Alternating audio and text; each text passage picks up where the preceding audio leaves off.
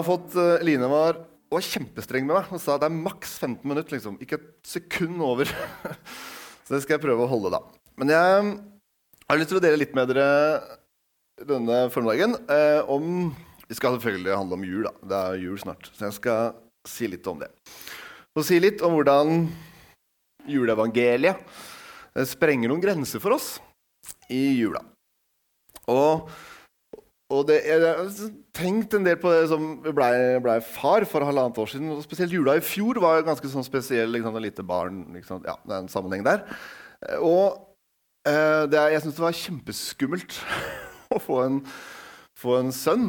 Um, han, han, måtte ta keisersnitt til slutt fordi han lå feil vei. Ja, lang historie. Uh, og da må alltid mor på sånn oppvåkning etterpå noen timer. Og da bare kom hun jordmora og så bare sa hun liksom Vær så god, her er han. Jeg husker jeg satt sånn, tror jeg, i to timer. Det var, sånn, det var kjempeskummelt. Uh, og veldig koselig, da. Og så uh, For meg i hvert fall så var det liksom, Det var absolutt noen grenser som ble sprengt i den hendelsen der. Uh, og liksom jula i fjor òg, så var det sånn det at det ble sprengt noen grenser. Jeg var på julekonsert. Det er ikke så ofte jeg er på julekonsert, egentlig. Ehm, da var jeg det. Og da var det var en sang om et barn som kom til jord. Ikke så veldig overraskende, siden det er jul. på en måte. Og så begynte han å gråte. liksom. Han begynte å gråte. For det var veldig sånn stort. Fordi det ble sprengt noen grenser i mitt liv. Og det i den forbindelse har jeg tenkt mye på liksom hvordan juleevangeliet da, sprenger grenser. At et lite barn ble født, sprenger så enormt mange grenser for oss, for menneskeheten.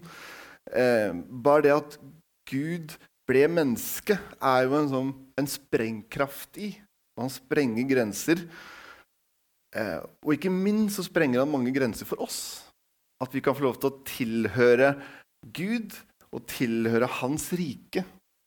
Være en del av hans rike, den forsmaken vi har på jord, og det evige riket. Jeg har lyst til å bare bruke ti minutter på å forklare litt mer om disse, hvor ekstremt det er. da, det at Disse grensene han sprenger. Og jeg har gjennom Marie og ikke sant, Det ble toppa seg liksom, med, med, den fødselen og hele den pakka det for barn. Liksom, men så respekt jeg har for henne. Hvor mange grenser ikke minst hun liksom sprenger. Og Når jeg leser juleevangeliene, for det er ulike juleevangelier, disse ulike evangeliene, så møter jeg også der noen mennesker som viser oss hvordan Gud sprenger grenser, og ikke minst noen kvinner. For det skjuler seg noen utrolig spennende kvinner i juleevangeliet. Og jeg skal ta dere med inn i det juleevangeliet som jeg tror ingen leser rundt eh, julebordet på julaften.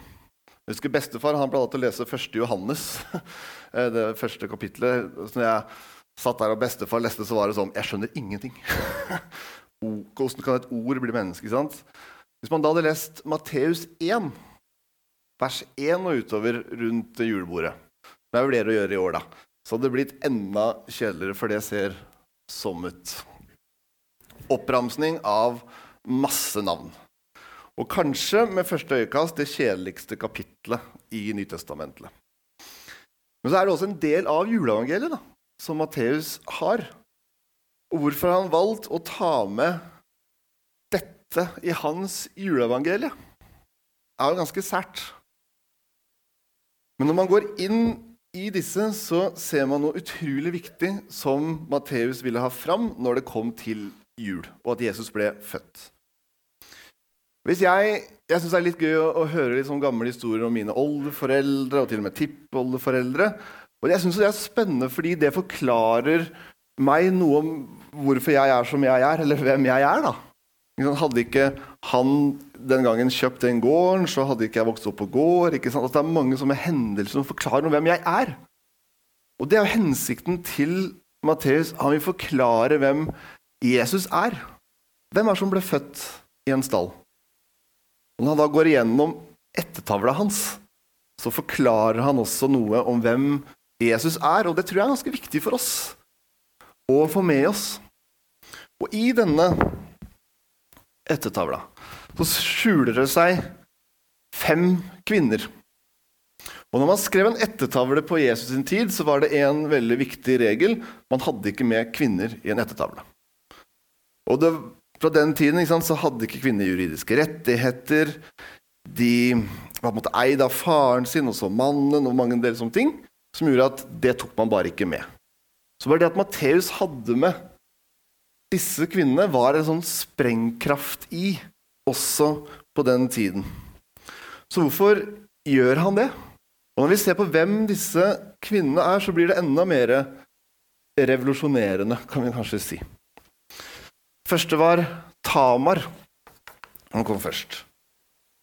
Judas fikk sønnen Peres og Sera med Tamar. Hvorfor er han med Tamar? Tamar hun var først gift med én storebror, og så døde han uten at de fikk barn. Så ble han, hun gift, Da gikk man jo bare nedover i brødrerekken. på en måte, ikke sant? Så ble han neste bror, og så døde han uten barn. Og da sa svigerfaren hennes at nå er det nok, du får ikke han tredje, liksom.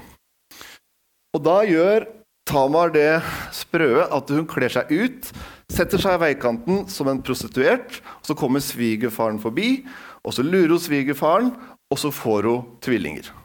Det er historien om Tamar.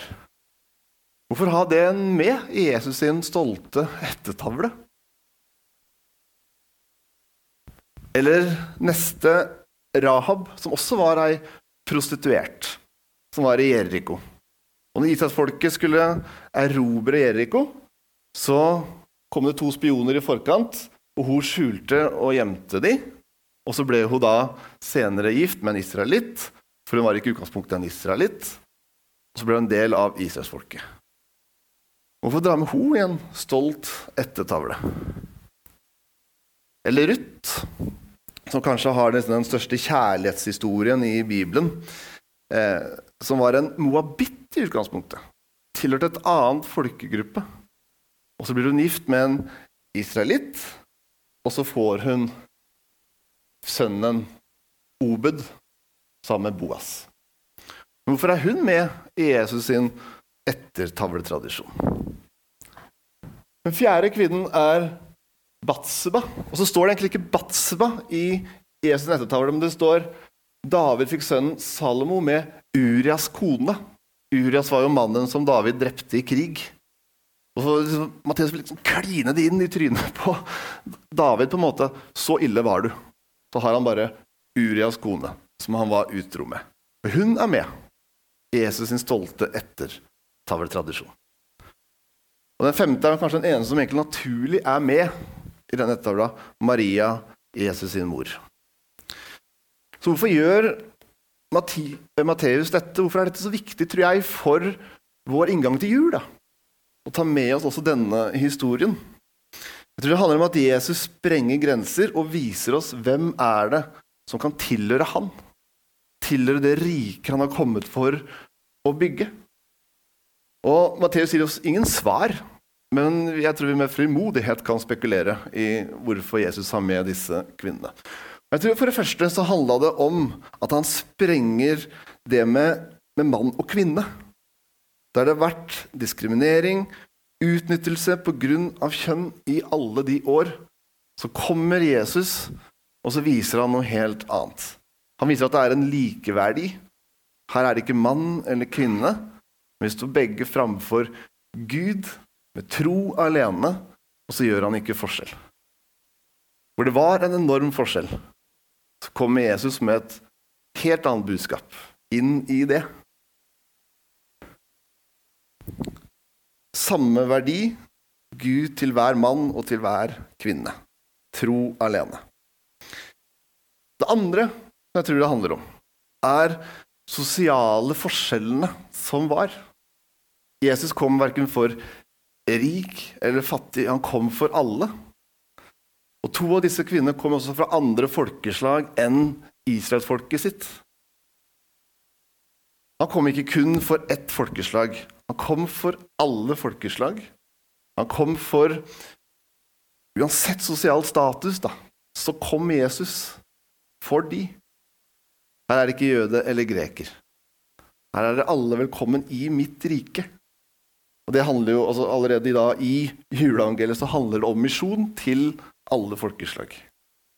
Jesus kom for alle. Hans rike skal få lov til å tilhøre alle. Og for det tredje så tror jeg det handler om at Gud sprenger grenser for hvem som kan ta imot hans nåde.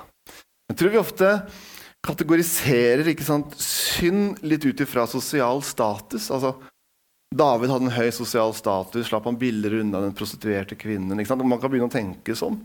Men i møte med Gud, i møte med Hans nåde, så handler det ikke om verken om du er konge eller prostituert. Det handler om at du kommer til Gud. Det handler om hans tro, om nåde alene, hans tilgivelse. Og det er, jeg tror det er noe som vi ofte drar inn i våre tanker og fellesskap. Kan jeg virkelig få Guds tilgivelse for dette? På en måte, ikke sant? Og så sprenger han de grensene fullstendig i møte med han. Hva slags rike bygger Gud? Han bygger et rike hvor alle er velkommen, hvor det handler om tro alene. Og det er julas store, store budskap. Rahab, hun som bodde i Jeriko, var prostituert. Hun dukker plutselig opp i Nyttestamentet. Hebrebrevet 11, der står det. I tro ble Rahab, hun som var prostituert, reddet fra å omkomme sammen med de ulydige. For med fred hadde hun tatt imot dem som kom for å speide ut landet. Det kapitlet i Hebrevbrevet er det store troskapitlet. Trosheltene. Og denne kvinnen var en troshelt. Hennes tro som reddet henne. Og vår tro er den som gir oss nåde i møte med Gud, uavhengig av bagasje, bakgrunn, feil, you name it. Så er det tro alene. Matteus sin ettertavle viser det så radikalt, da. Akkurat det med å ta inn de han gjør, i ettertavla.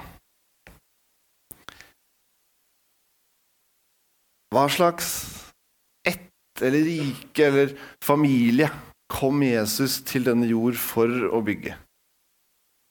Jeg tror ettertavla gir oss en del svar. For oss alle.